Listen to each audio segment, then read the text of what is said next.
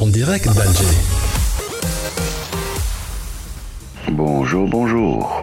En direct d'Alger. Aujourd'hui, ce numéro est dédié aux incubateurs. Comme chacun le sait, un incubateur est une usine à produire des entreprises.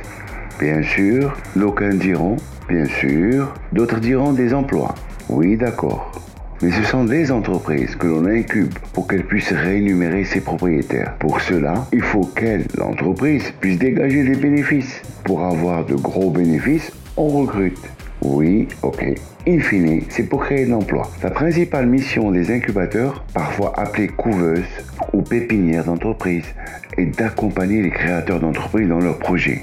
Cette semaine, IncubeMe, l'incubateur africain qui est en relation avec AfriLabs, a ouvert ses portes avec 11 projets identifiés et donc autant d'entreprises qui vont être incubées. Étaient présents à cette inauguration plusieurs CEO d'entreprises algériennes et étrangères, à l'image de GE, Schneider ou de Sonatrach, venant s'informer et discuter avec les startups sur leurs projets. IncubeMe est membre du réseau AfriLabs et dernièrement, nous avons été invités et très chaleureusement accueillis par le board et les autres membres d'AfriLabs, nous dira Kamal Oumnia, son promoteur. AfriLabs est un réseau de hubs africains constitué en association et activant pour la promotion de l'entrepreneuriat en Afrique. Il compte aujourd'hui 123 membres venus de plus de 34 pays. IncubeMe est africain dans son ADN et a nécessité pour son promoteur plus d'une année de réflexion. Il souligne que même dans son fonctionnement, IncubeMe sera disruptif.